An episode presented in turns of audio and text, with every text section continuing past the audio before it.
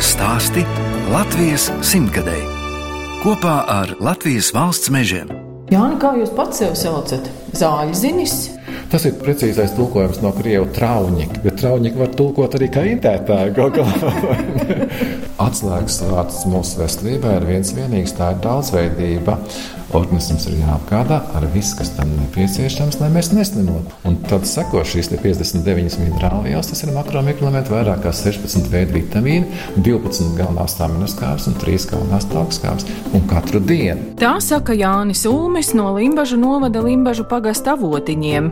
Es, žurnāliste Daina Zalamane, šoreiz ciemojos pie Limbažu muzeja direktora, kurš netālu no Limbažiem izveidojis 300 veselības augu brīvdabas kolekciju, gatavo zaļos kokteļus un dažādus augu pulverus, un savā saimniecībā uzņem arī turistus. Jānis Ulmis rāda arhīva dokumentus, kuros dzimtas vēsture izpētīta jau no 18. gadsimta. Nav nekas no inteliģences, nekas no tādiem ļoti bagātiem cilvēkiem vai īpašniekiem. Tie ir lauki, vienkārši gājēji. No augstākais tur kāds groznieks, senči no vicēm, jau no Dikļa Valmieras puses. Ko es atceros, piemēram, no sava tēva, kad viņš bija vienmēr lauksēnieks. Un arī kolekcijas laikos Viņa istabā pie sienas vienmēr bija trīs zvaigžņu ordenis, bet trīs zvaigžņu ordeņa godazīme vienmēr stāvēja viņa istabā pie sienas. Un tur bija viņa portrets ar Latvijas armijas formā. Kādos laikos, kad maksāja algas, kas ierīti izbrauca, un viņa istabā izmaksāja algas. Cilvēki ļoti bieži grozījās un nāca, un nekad nekāda aizrādījuma vai mājiņa nebija par to, ka tur stāv trīs zvaigžņu ordeņa godazīme. Kas attiecās uz māti, tas interesantākais ir arī viena fotografija, kur dzīvā kalna Marta ir kopā ar manu māti. Abas divas ir dienesta meitas tur dikļos. Tas saites jau arī tur saglabājās arī padomju laikos. Es regulāri dabūju māti vest pie viņas ciemos, ne tikai veselības sakārtot, bet aprunāties arī. Ar ko viņa vienmēr lepojās. Ulmaņa paps viņai ir spiedis roku, ja tad Kārlis Ulmans valsts prezidents. Toreiz jau Dikļos ir notikuši govis laukšanas sacensības. Viņi dabūjuši tur godalgu, un, un Ulmans ir spiedis roku un uzdāvinājis viņai par to zelta pulksteni, kabatas pulksteni ķēdē. Un to viņi mūžīgi glabāja, mūžīgi rādīja visiem. Ja, tagad gan tēva trīs zvaigžņu ordeņa godazīme, gan arī šis zelta pulkstenis ir Limbaģa muzeja krājumā. Bet kā jau jebkurā cimtā, arī manā ir, piemēram, tēva brālis, kas ir bijis sarkanāks par sarkanu. Tad latviešu sarkanais strēlnieks, viņš vienmēr lepojās ar to, ka Maskavā ir sargājis Ļēņinu un beidzis Frunzes kara akadēmiju. 1937. gadā ir apsūdzēts un notiesāts un izsūtīts uz Kolīmu. Un tad ir 50. gados atgriešanās, un tad viņš dzīvo Valmierā. Vienalga viņš ir sarkanāks par sarkanu, lasa skolniekiem lekcijas. Un tāpat ir bijuši mani leģionāri, kuriem ir pazuduši ja, tur Volkaus purvos. Bet kur tad jūs uzaugāt? Arī Dikļos gājāt skolā? Nē, es esmu dzimis Salojā. Skoliņa bija puikulis, astoņgadīgā skola. Tagad tur skola, protams, vairs nav, bet ir ļoti, ļoti skaista mūža, sarkanķieģļēka mūža, kur ir tagad kaut kāds sabiedriskais centrs iekārtots. Arī skolas laikos jums ir bijusi interese jau par augiem. Vienkārši tas jau ir brīnums, kā no sēkliņas kaut kas var izaugt. Tas bija klases biedrs, kas patīk pavasarī prīmuli, ļoti skaisti, ļoti krāsaini ziedi, un mēs viens no otra tur, un tā pašiem bija dārzā tāds absolūts uzraksts, un varbūt metrs reizes metra tāda ovāla dobīte ar akmeņiem aplikti, un tur mēs eksperimentējām problēma. Bet vasaras pašiem bērniem bija jānopelna arī kaut kas. Un brauc mājās brigadieris un bērniem uzdod jautājumu, gribat medu ēst? Un, protams, ka visi grib medu ēst. Tādas milzīgas siļķu, burkas, tukšas, skārdu. Kāds tur ir piekombinējis šņurīt, kāds vienkārši rokās, nekāda cimta jau nebija. Amonija nitrāts, ko kaisī, lai augtu kāpost ātrāk. Cietika luči, un tad jāsaka birdiņš smalkāk un ar kailām rokām. Tā mēs tas staigājām birdinājām katram kāpostiņā virsū. Tas bija kā mēslojums. Mēslojums, un beig beigās tās rokas ir vienkārši asinīs un gēlas. Toreiz tas dusmas bija ļoti, ļoti modē apgājis pret tārpiem, arī tos pašus kacenus, piemēram. Un neviens jau nepateica, bērniņ, tur, tur neelpo iekšā, vai tas ir indīgs. Neko tam līdzīgi neteica, tas viss mums bija jādara. Un tā es vēl atceros no bērnības, ka tēvs bija vakarā sapļāvis sienu līdz vēlēm naktī. Un tad tas uzdevums man ar brāli bija obligāti no rīta jau kādos 9, 10, vai tad, kad mēs pamostamies jāskrien uz to pļauju ārdī, apgrozīt, jo vakarā viņš atkal jāsaliek. Māsai ļoti patika zirgi, un tā mūžīgi brauc un jūdz. Es pats joprojām nemāku sajūt zirgi. Un tas viss bija jādara, un tad ir tālāk sienas jādod augšā uz kūts augšu, un tad tur sviedri līst, un, un viņš ir jāpiepresē, un tā tie bērni darbi bija bērnībā. Jums dzimtā arī kāds ir bijis, kas tās zālītes ir vācis un dziedinājis cilvēkus? Es domāju, ka visi pēc kārtas, visām ģimenēm Nu, sievietes pilnīgi noteikti mājās bija maisiņa ar tējām, un to katru gadu savāca. Kam vairāk, kam mazāk Jānis Ulmes neklātienē studēja Latvijas Universitātē vēsturniekos, vēlāk beidz arī Daugavpils universitāti. Viņš vadījis folklorista un komponista Emiļa Melngāļa muzeja vidrižos, bet 25 gadus ir Limbažu muzeja direktors.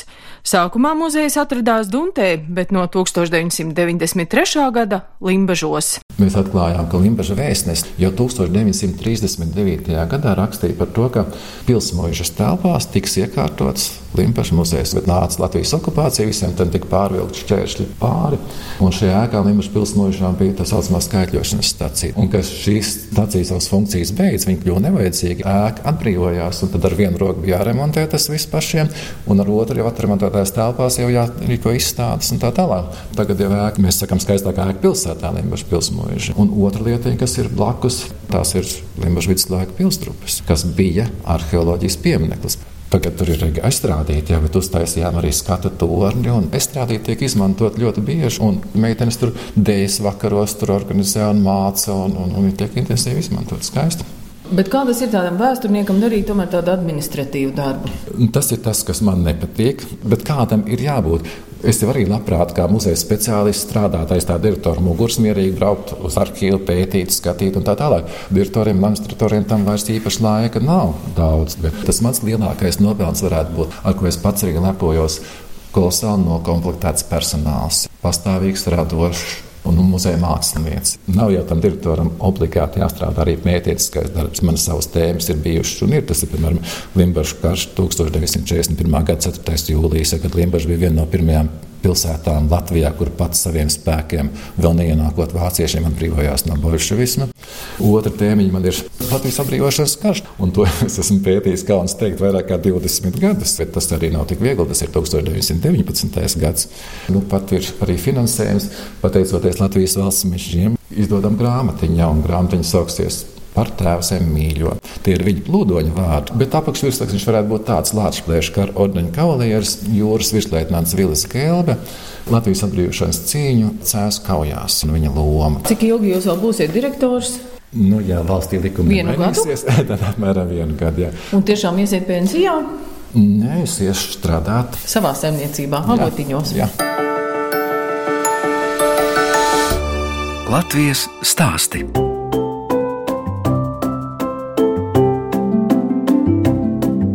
Jūs klausāties raidījumu Latvijas stāsta Latvijas simtgadēji. Šoreiz ciemojos pie Jāņa Ulmja, Limbažu novada Limbažu pagasta avotiņos. Viņš izveidojis 300 veselības augu brīvdabas kolekciju. Jānis Ulmis savulaik Limbažu muzejā veidojas arī izstādes par fitoterapijas vēsturi un mūsdienu pieredzi. Viena izstāde, es esmu vesels, otra, kur mēs strādājam ārstniecības augsni, trešā par pirtiem, un tad, kad es uztaisīju, piemēram, savu pirts slotiņu pirmo, pēc tam es lepojos, ka es Latvijā gatavoju labākās pirkslotiņas skaistākās. Viņas saucās Latvijas dziedniecības augu zāru, zāļu, ziedu pirkslotiņas. Bet pirmo, kā es saliku no upenēm, tad man iznāca tāda kā tāda milzīga zirga asta, un tad muzeja mākslinieks man viņu ieraudzīja. Momentā paņēma atšķirtināju vaļā un pārtaisīja. Tā kā tā skola ir lēnām pakāpeniski gājusi. Un tālāk tas viss bija ar manu veselību. Man bija tāda imūnsistēma, ka izjūt īgas stacijas tuneliem caur tiem caurējiem bija saukstēšanās simptomi. Un tad, kad mans ģimenes ārsts netika galā ar to manu koņģremošanas sistēmu, Tad mēs sākām ar ārstniecības augiem druskuļi darboties. Un tad, kad sapratām, kā tas strādā, kāds monumentāls dzīvnieciskais spēks ir augos, Limbaģis ļoti maziņš, tur visi zina, ko tu dari. Un tad viens saka, man ir tāda vaina, kaita, un ja man tie ingredienti bija plašā slānī, tad es ļoti atsaucīgi to darīju. Un cilvēki vien vairāk saprot, ko nozīmē ārstniecības augi. Kā jūs to kolekciju izveidojāt, to jūs kaut kur noskatījāt, ka tāda pasaulē kaut kur ir? Nē, ko mēs zinām vēsturē, tikai šos viduslaiku klosteru dārzus. Botāniskajos dārzos varētu būt kāda, varbūt maksimālais kāds simts vienības. Vienīgais, ko es noskatījos Vācijā, Pie Mīnhenes laikam ir Ulma pilsēta. Tur bija tā saucamais jaunā aptiekā dārsts, bet tas ir privātais plus kopā ar municipalitāti. Un tad mēs tur nodarbojāmies arī ar zakšanu. Redzam, tur ir beladona, man tās sēkliņas vajag, un tās sēkliņas nogatavojušās. Mēs liekam tādos mazos maisiņos, uzrakstam etiķeti virsū. Gan beladona man nāks no Vācijas tādā veidā ar sēkliņām, gan arī šeit marūbī, ko mēs jau vienu no pirmajiem aukiem redzam. Tas ir normāli, tur nekas netiek bojāts, un, un tas ir labi, ka pavairo. Pirms pieciem gadiem Jānis Ulmis veselības augu kolekciju sāka veidot Limbažu pagasta avotiņos. Sievasmāte mūžīgi teica, jūs esat slinki, jūs negribat neko darīt, jūs esat nekārtīgi. To mēs saucam arī tā audzināšanu par zāģēšanu. Zāģē, zāģē, zāģē, bet no otras puses tas, kas 60 gadīgais sieviete ir kārtība, tur 12, 13 gadīgiem vecām puisim ir otrādi. Tad Rudolf tā nopūtās un teica, tēti, mums vajag kaut ko savu. Un tas man tā kārtīgi ielika par smadzenēm, un nākošajā dienā es jau sāku skatīties Es esmu sludinājumos, kur mēs varētu dabūt kaut ko savu. Beigās palaimējās šo te šeit dabūt. Sākām ar augu pārvešanu. Tukšs lauks, uzarām, nezāles pilns, vairākas kaudzes ar mēsliem salikām, sastrādājām kārtīgi, un tad sākām veidot nu, caur sviedriem un asinīm ar puikām kopā. Un beig beigās izrādījās, ka tieši tāda paša teritorija mums iznāca viens hektārs. Tas ir apmēram, un cilvēki bieži vien jautā, vai te ir pietiekoši ar to, ko tu dari? Nē, 50% tiek izaudzēti šādā veidā dārzā, un otri 50% ir ekspedīcijas. Jo trījā puplaks, kas ir latviešu gremojamā zāle, mēs braucam uz Osulu, viņš šeit ir vākt. Tas būtu dīvaini, ja mēs sarkanā nāboliņu audzētu un ravētu vai pieniņu sakneņu audzētu dārzā. Jānis savā dārzā uzņem arī turistus, un tiem ļauj dārzu apskatīt pašiem. Katram apmeklētājam tiek izsniegts saraksts ar augu nosaukumiem un numuriem, lai zinātu, kādām kaitēm katrs der. Kas ir latviešu plāšu zāle? Lakacis. Un pie lakacīs ir divi cipariņi, 7 un 16. Un cilvēks pastāsta ceļvedējā 7. numuriņš pret augstnēšanām, ciekaisiem gripām, astmām, plaušu karsoņiem un tā tālāk. Un otrs 16. tātad pret vielmaiņas traucējumiem.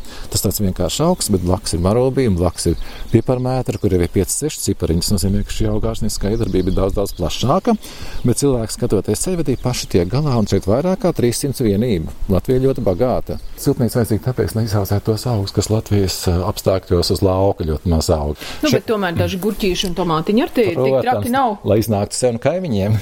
Tāpēc tā siltumnīca ir vajadzīga. Viņi ir iegādāti, protams, viņi ļoti dārga, viņi ir iegādāti par projektu līdzekļiem. Projekts saucās dārza pērles. Līdz ar to tie nosacījumi tādi, ka cilvēki ir jālaiž iekšā arī skatīties, kas notiek siltumnīcā.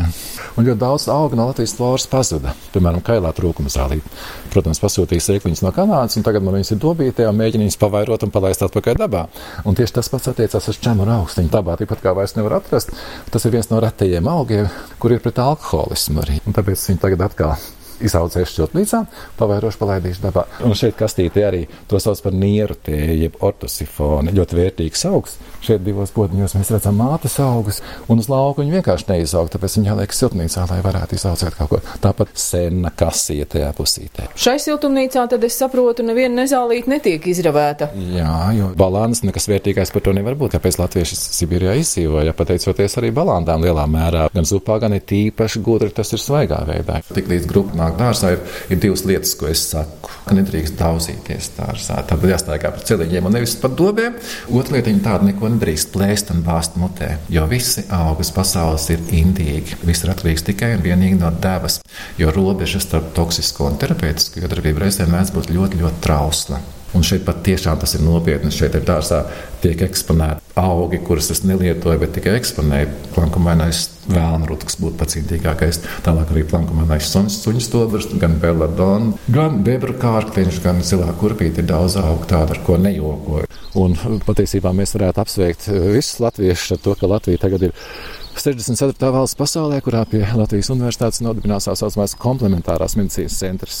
Komplementārā tas nozīmē papildinošā alternatīvā arī, un turpat reiz Latvijas spēcīgākie ārsti un farmaceiti studē ajurveidu pie Indijas ārstiem. Un tad viņi katru gadu brauc šeit mācīties, arī augus skatīties. Indijas ārsti viņu tupus rāpus ņemās pa dārzu ar saviem klēpju datoriem, skatās pēti, salīdzina, un tad, kad iznāk laukā, viņi ir šausmās, saķēruši galvu un saka vārdus: Jūs esat bagātāka valsts augu ziņā nekā mūsu reizēm izkautusī Indija, un jūs to neizmantojat, jums to nevajag, jūs esat tik veseli. Limbažu pagastavotiņos izveidota arī augu kalte. Tā ir augs, nu tā ir mana māsa. Labadiena! Labdien, jūs esat galvenā griezēja. Man vajag vingrot, kustības vajag, un tad tāpēc es tā veselīgi. Un, un ko jūs tur kapājat? Tās ir nātris? Nātris. Un kam tad nātris izmantos? Dzels, dzels. Griezējies, tas arī kaut kāds pašu izdomāts. Tas ir uh, mūsu lielās zāļu zinātājas Zeltītas kavieres vīra darbs. Mēģināsim uztaisīt kaut kādu elektrisko giljotīnu, ja, jo rokā visu laiku diezgan sarežģīti. Šeit ir kalti. Tiklīdz augs ir novākts, Protams, ievērojot attiecīgo mēnesi fāzi un laika apstākļus, viņš ir nekavējoties jāsasmalcina ar giljotīnu iespējams smalkākās daļās un nekavējoties ar piespiedu siltumu un piespiedu ventilāciju strauji jāizkaltē. Lai ilgi nekalst, lai neaudotās mums nepieciešamās bioloģiskās vielas sevis uzturēšanai pie dzīvības. Kas te jau ir izžāvēts? Gaļbiksīte, ļāvas lapas, te ir rošas lapas, arī fāsena kaķa mētra, vībotne jau ir sagatavota. Un... Bet arī skaisti tie augi tādi koši zaļi, viņi nav mainījuši krāsu. Nu, tāpēc mēs cenšamies ārkārtīgi kvalitatīvi strādāt, jo gal galā mēs to pirmkārt gatavojam priekšsē, viss. un tikai tad, ja pāri paliek, tad arī pārdodam kaut ko. Šeit ir krāsnes iekšā, kur nepārtraukti izņemot nakti tiek kurināta, un tad gaisa iet uz visām pusēm, plus vēl ventilācija, plus mitruma nosūcējs īpaši, ja, jo mitrums ļoti daudz atdalās, bet nepārsniedzot 45 grādu robežu izkautējā. Cik spīdzinoša šī vasara bija, kad mēneša laikā tev viss sasiet. Parasti jau jāņem taču vāc. Uz jāņemiem patiesībā vēl nekas īpaši nebija saplācis, ja to pašu raudaļu jau nemaz nesiet. Pēc jāņem to visu mierīgā garā darīja, bet tagad jau pat tūkonspuķi sāk ziedēt. Par ko tas liecina, ka augi tā steidzas? Nezinu, cilvēki ir samulsuši. To mēs pieskaitām pie tā, ko mēs saucam par klimatu uzbrukumu.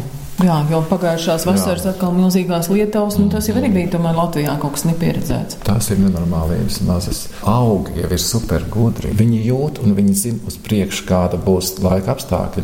Parastā kaķa mētra. Tur ir kauliņš, dažas mazas lapiņas un jau zieds galā. Viņš nelaiž vienkārši tās lapas, kas mums ļoti vajadzīgas. Plašumā, lai neiztvaiko tik daudz šī dzīvības sula, viņš taupās. Pagājušajā gadā, pateicoties Vidzemes lauku partnerības brasla finansējumam, avotiņu saimnieki tika pie traktora, pļaujmašīnas un lekciju zāles aprīkojuma, koka galdiem un soliem. Pēc augu apskates lekciju zālē tiek degustēti zaļie kokteļi. Te jums uz paplātes stāv pipars, gurķi, bumbieri, āboli, apelsīni. Tās ir sastāvdaļas zaļajā. Tās ir sastāvdaļas, bet tās ir tās, kas dažu stundu laikā nesabojāsies. Ja. Uz otras paplātes, protams, ir sēkliņas, kur ir omega 3 un sauspuķu sēklas, gan linsēklas, gan arī ķirpsājas, gan arī sāls un arī cilvēkiem pēc izvēles medus. Un tad mums mūžīgi strīd, vai to vajag likt klāt vai nevajag likt. Bet šeit nav pats galvenais. Lielākā un svarīgākā daļa ir šie zaļumi. Tad tur nāk milzīgi daudz zaļumu skaisti. Tad rezultāts ir tāds, ka mēs reizēm cilvēku acu priekšā ieliekam tajā blenderī 121 vienības. Un tad cilvēku acu priekšā mēs to kokteili gatavojam. Un vēl pārjautāju, vai to mēs liekam, vai tiešām mēs to liekam driģeni, piemēram, melno driģeniem. Es jautāju, vai liekam vai neliekam. Un mazā... visi saka, nē. Nē, mazās devās nomierina, lielās tracina. Bet pārsvarā mēs vienmēr liekam. Lielākie strīdi mums vienmēr ir par sāli. Sāls ir organisms jāuzņem tik, cik organisms prasa. Un ir īpaši Tibetas sāls, kur ir vairāk kā 80 minerālu jāsklāt. Vēža šūnas arī mums ir visiem, bet viņas attīstās tikai divos gadījumos. Tad, kad ir organisms organisms ļoti, ļoti novājinās, tad imūnsistēma vāja, un otrs, tad, kad ir organisms pārskāpināts, ēdot to, ko mēs nedrīkstam ēst. Ko nozīmē tas pulverizētais? Tas ir sabersts pulverī, tas ārstniecības augsts. Ja. Un viņi ir 24 veidi. Un mūsu organisms, kā supergudrs, dieva radīts dators, paņem tieši to, kas viņam ir nepieciešams, un tieši tik daudz, cik viņam ir nepieciešams. Tas nozīmē četrus pamatprincipus, kas ir jāievēro pilnīgi noteikti. Un tas pirmais ir bioloģiskā audzēšana. Mēs nelietojam nekādus herbicīdus, fungicīdus. Otrais - nekas nekur dzīvē nedrīkst iet pāri 45 grādu robežai. Ne pie kaltēšanas, ne pie lietošanas. Trešais tā tad ir mēnesis fāzes. Vismaz augu novācot, ir jāievēro obligāti. Un pēdējais, ceturtais punkts, kas ir pats pats, pats svarīgākais, tātad augs ir smalcināts. Tas savukārt nozīmē, ka mūsu kuģa gremošanas sistēma tikpat kā netiek noslogota, momentā šīs bioloģiskās aktīvās vielas caur zarnu vārstiņām ir asinsvados iekšā, un tad būtu ārkārtīgi liela brīnuma, ja tā ārstnieciskā iedarbība tik ātri nebūtu. Kā jums pašam veselība ir uzlabojusies? Cik bieži jūs pats to zaļos kokteilīšus iedzerat? Man pilnīgi pietiek ar to, ko es cilvēkiem gatavoju. Teicu, ka es arī esmu ļoti slings cilvēks. Man katru gadu vienalga ir jāiet pie ģimenes ārsta, lai es saņemtu pagarinājumu sanitārā grāmatā. Tāpēc man jāparādās ārstam, bet tā es nezinu vairs 15 gadus nošanu. Es nezinu, kas tas ir vairs. Laimīgs cilvēks. Mm, tā ir jābūt. Cilvēkam nav jāslimo. Latvijas stāsti.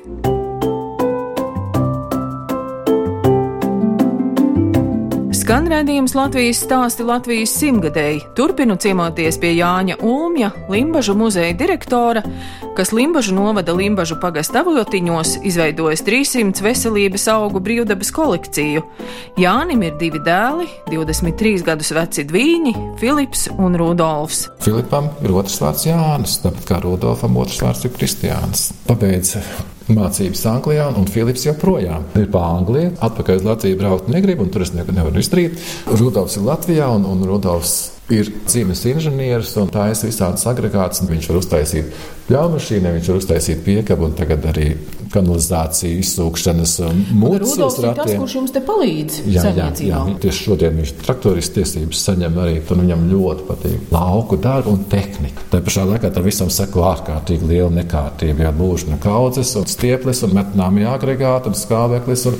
To nedrīkst novākt, citādi neko nevar atrast pēc tam. Es esmu mm. pārstājis cīnīties, viņam ir sava kārtība un es tur neko nevaru izdarīt. Bet nu, tas, ka viņam patīk laukt, viņam patīk celšana un tehnika, tas pilnīgi skaidrs un arī patīk strādāt. Un tad viņam vēl ir vilku sugas suns ar vārdu Josefīna. Ļoti disciplinēta ar visām sacensībām, uz treniņiem, visur brauc un, un audzina. Un, un spīdzina arī, jo, jo nedrīkstot sunim tik daudz dot ēst, jo tad zaudē šo uh, formu, un tad viņš vairs neatbildīšot standartiem, un tad viņš arī neklausīšot, tā man reizēm paklusēja grafiem ar atpastiem, un tāds sajūta, ka viņš mūždien ir badā. Dzīvnieki no jums ir jāuzman, jo mēs jau tur redzējām, cik jums viens kaķis ir nenormāli rasns. Tas nav mans skats, tas māsas aprūpē. Viņai pašai var nebūt nekas uz galda vai ledusskapī, ko ēst, bet kaķiem vienmēr būs pieci veidi pārtikas. Māsa arī šeit dzīvo?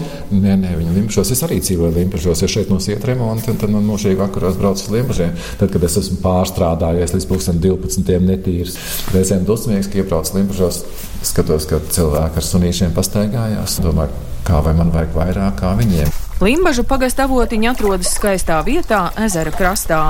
Jau piecus gadus turpinās apkārtnes labiekārtošana. Tā ir Junkrāmojuša ezera virkne, kādas 6-7 ezeri, kas ir visi savienoti savā starpā, var ar laivu kādreiz arī izbraukt. Un šis ir auziņa ezers. Mums vienīgajiem šeit ir saliņa. To sauc par mīlestības saliņu.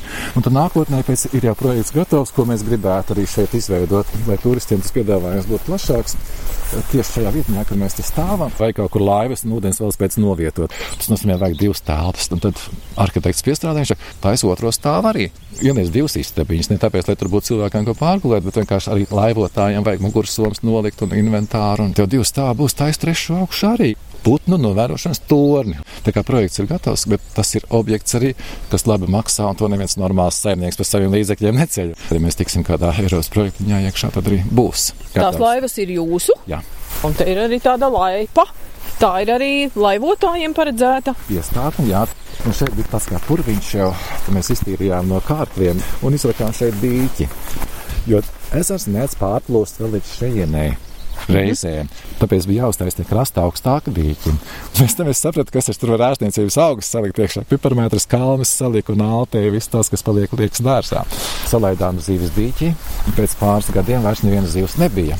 Mūdelis vai kaut kas tamlīdzīgs, visu dīķi izēda ielaidām stūres iekšā. Un tad es prasu tiem zivjaucētājiem, ko mums darīt. Tad tagad vai ne atkal izēdīs mums. Viņš saka, atlieciet elektrisko ganu, ja? un tagad dīķi un viņi ir elektriskais gans. Tās zivis turās un lieki kustoņi nenāk šeit. Un šis grāvis, kas patiesībā ir meliorācijas novada grāvīts, pilns ar vērtīgām lietiņām. Tur arī speciāli sastādīta avotkrese, tur ir iekšā purva vārna kāja, kas ir diezgan liels retums. Tāpat arī gar malām ir vīgriezi, un tur ir bebru kārkliņš arī, un tur ir ūdens mētra un ļoti daudz citu. Šo te mazo mežiņu šajā pusītē vienkārši mēģināja tagad pārtaisīt pa parku. Un kas tur pa namiņu top? Apakšā bija pagrabs, ja, un tad, lai taupītu par teritoriju, mēs uzlikām virsū pagrabam arī malku šķūni. Un šeit katla māja top, lai būtu centrāla apkura mājās. Un šīs kreisā puses robeža aiz šīm ēkām ir tāda skaista upīte, kas iet zigu uz zegu. Nākotnē patīrīsim. Avotiņa mājas vārds ir un avotiņa vieta arī ir aizsērējusi. Un nākotnē atjaunosim noteikti arī avotiņu, lai būtu īsta avotiņa ja būtu brīvs laiks. Ko jums gribētos darīt? Es nezinu, no grāmatas lasīt, filmas skatīties, labas. Nu, filmas jau tāpat kā varbūt pastāstīt. No grāmatas, protams, mēs esam sapirkuši arī tādas grāmatas ar nolūku. Lasīsim tad, kad būsim pensijā. Nākotnē ceru, ka es varēšu vairāk palasīt nekā tagad, jo tagad jau lasu tikai absolūto speciālo literatūru, vai to, kas attiecās uz kultūras mantojumu, vai tas, kas attiecās uz augiem. Un jaunākais jāpēt, jāsako līdzi. Ir piecos saimos, kā Rāmzina, Krievijas vēsture, kurai es netiek klāta, bet viņi tur stāv. Man ir, piemēram, latviešu tautsdziesmas, tās tās vērtība, vērtības bērniem nopietni cerot, ka viņiem nākotnē vismaz būs interesi, bet tās intereses vēl nav. Man ir saglabāta pastmāra kolekcija. Cerībā, ka kādam no bērniem tas interesēs, bet bērniem ir pilnīgi citas intereses, un tās ir naivas cerības, ka viņiem varētu interesēt tas, kas tevi interesē. Tā ir cita paudze. Ja? Kā Pēters Kļāva pateica, taustiņa drāzēja civilizācija veidojās. Aizbrauc pie Omītas ciemos, Omītas sēž un brīnās pāri visas spēļu kauliņas, kas ir dīvaini, anekdotiski un, un briesmīgi reizēm. Pēc pieciem desmit gadiem, kas šeit būs? Kas būs mainījies? Tā arī ir skumja nots, jo es neredzu sekotājus. Jā, bet jūs jau pats vēl būsiet gana ņiprs un darbīgs. Tas ir nežēlīgi grūti visu to uzturēt. Es saprotu, tā ir unikāla lieta Latvijā, neapšaubām. Neviens cits to nerāda. Man ir tagad no viena farmaceita no ātršiem, kam ir ļoti tas viss interesējies. Bet iespējas ir lielas, tad, kad es saku, jūs paši to varat. Te, piemēram, jūs nodiagnosticējat savā ģimenē savas lielākās vainas saukstēšanas lēpes, kā iekaisumi, gripas, astmas. Tad Latvijas daba un mans dārsts šo problēmu atrisināšanai piedāvā iedomājieties 164 augus. Un jums pat neviens nav jāstāda, nav jārevē. No tiem vismaz puses mēs varam dabūt savvaļā. Tātad kaltējam, kā runājām, kafijas zirnavīs ir, sasmalcinām, izsijājam, jums veidojas ingredienti. Vienīgais, ka jūs nezināsiet devas. Pirmkārt, jūs drīkstat taistīt tikai tos augus, kurus jūs pazīstat, un otrkārt, ir devas. Jūs nezināsiet devas, lieciet vienādās devās, un tas arī būs super. Jūs būsiet lieli, lepni, vareni, veseli, viskarosiem. Jūs nezināsiet, ko nozīmē slimošana. Ja man būs pagrūti, es vienkārši sētu, noņemšu uz aršu lauku, un atkal būs nulle. To es esmu draudējis daudziem saviem klientiem, ka man tas ir piekriezies, un ka es to vairs nedarīšu. Jo tad visi kaimiņi, visi draugi, visi klienti. Viņi saka, kā, bet ko tad mēs darīsim? Bet man jau pašam arī to visu vajag. Jo tas bija tas, ar ko es sāku. Ja es to visu daru priekš sevis, tad man tas jāizdara nedaudz vairāk, lai man ir arī ko pārdot, lai man tas atmaksātos. Izrādās, ka Jāņi nav Jāņa Ulmja mīļākie svētki. Mans tēvs arī bija Jānis. Kaut gan man pašam nepatīk tas, ka mani sauc par Jāni. Jo Jāņos un Līgos svētkos tev vienmēr godina. Man nepatīk, ka man godina. Tas taču ir forši. Nē, katru gadu atkārtojas viens pats vāņa vainags, un tad mūžīgi tiek dāvināta alus kausa, māla, koka, stikla, un mājās ir milzīga kolekcija ar alus kausiem. Tas ir tik neinteresanti. Jūs esat pirmais Jānis, kuram Jā, nepatīk savs nepatīk. vārds. Jā, man nepatīk. Man nepatīk, ka godina vārds un nekāda vaina. Un kā tad jūs Jāņus svinat? Tad man ir vainags galvā, un, un gaidu ciemiņas arī, bet pirms tam man ir jāapstaigā, protams, savu teritoriju. Lai nestu svētības, kā Jānis to dara, jo tur neapstaigās savu teritoriju, tad ir svētības nebūs. Un tad ir alus un uguns, kur viss ir tā kā pienākās. Bet Jāņus tā jūs svinat šeit? Jā, protams. Mēs šeit esam tikai piecas, kas tās tradīcijas tikai veidojās. Jāņu dziesmu dziedat līgotnes? Nu jā, to parasti dara kaimiņi, tā kā nāk līgotāji. Ļoti skaisti bija viena Jāņa, kur mūsu tauta meita ļoti skaisti. Rudolfs viņu izvisināja laivu. Nakts tumsā, un kundzkuriņķi apkārt, un viena vien pati dziedāja. Tajā laivā jau viss kaimiņi priecājās par to, kāds vakarā skanēs. Visu kādu jānīcāja līgo, līgo, notjāja šo vakaru līgo, līgo, līgo, notjāja šo vakaru līgo.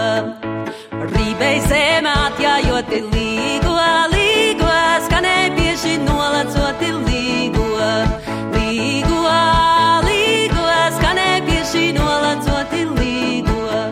Redījums Latvijas stāsta Latvijas simtgadēji šoreiz izskan ar rakstu rakstu dziedāto līgotni.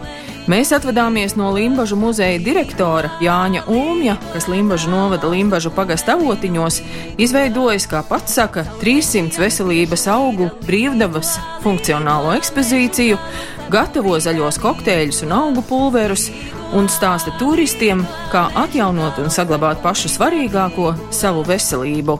Fotogrāfijas, kā vienmēr, varat apskatīt Latvijas Rādio 1 mājaslapā. No jums atvedās žurnāliste Daina Zalamane un operātore Inga Bēdelē, un vēlam, lai jums priecīga līgošana! Anģānīti dieva dēls ir līgo, līgo, tavu platu cepurīti līgo, līgo, līgo, tavu platu cepurīti līgo.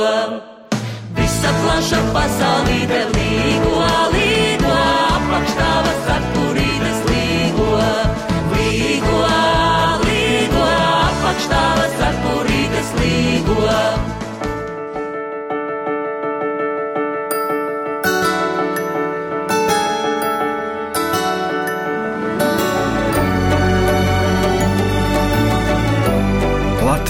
stāsti Latvijas simtgadēji. Kopā ar Latvijas valsts mežiem.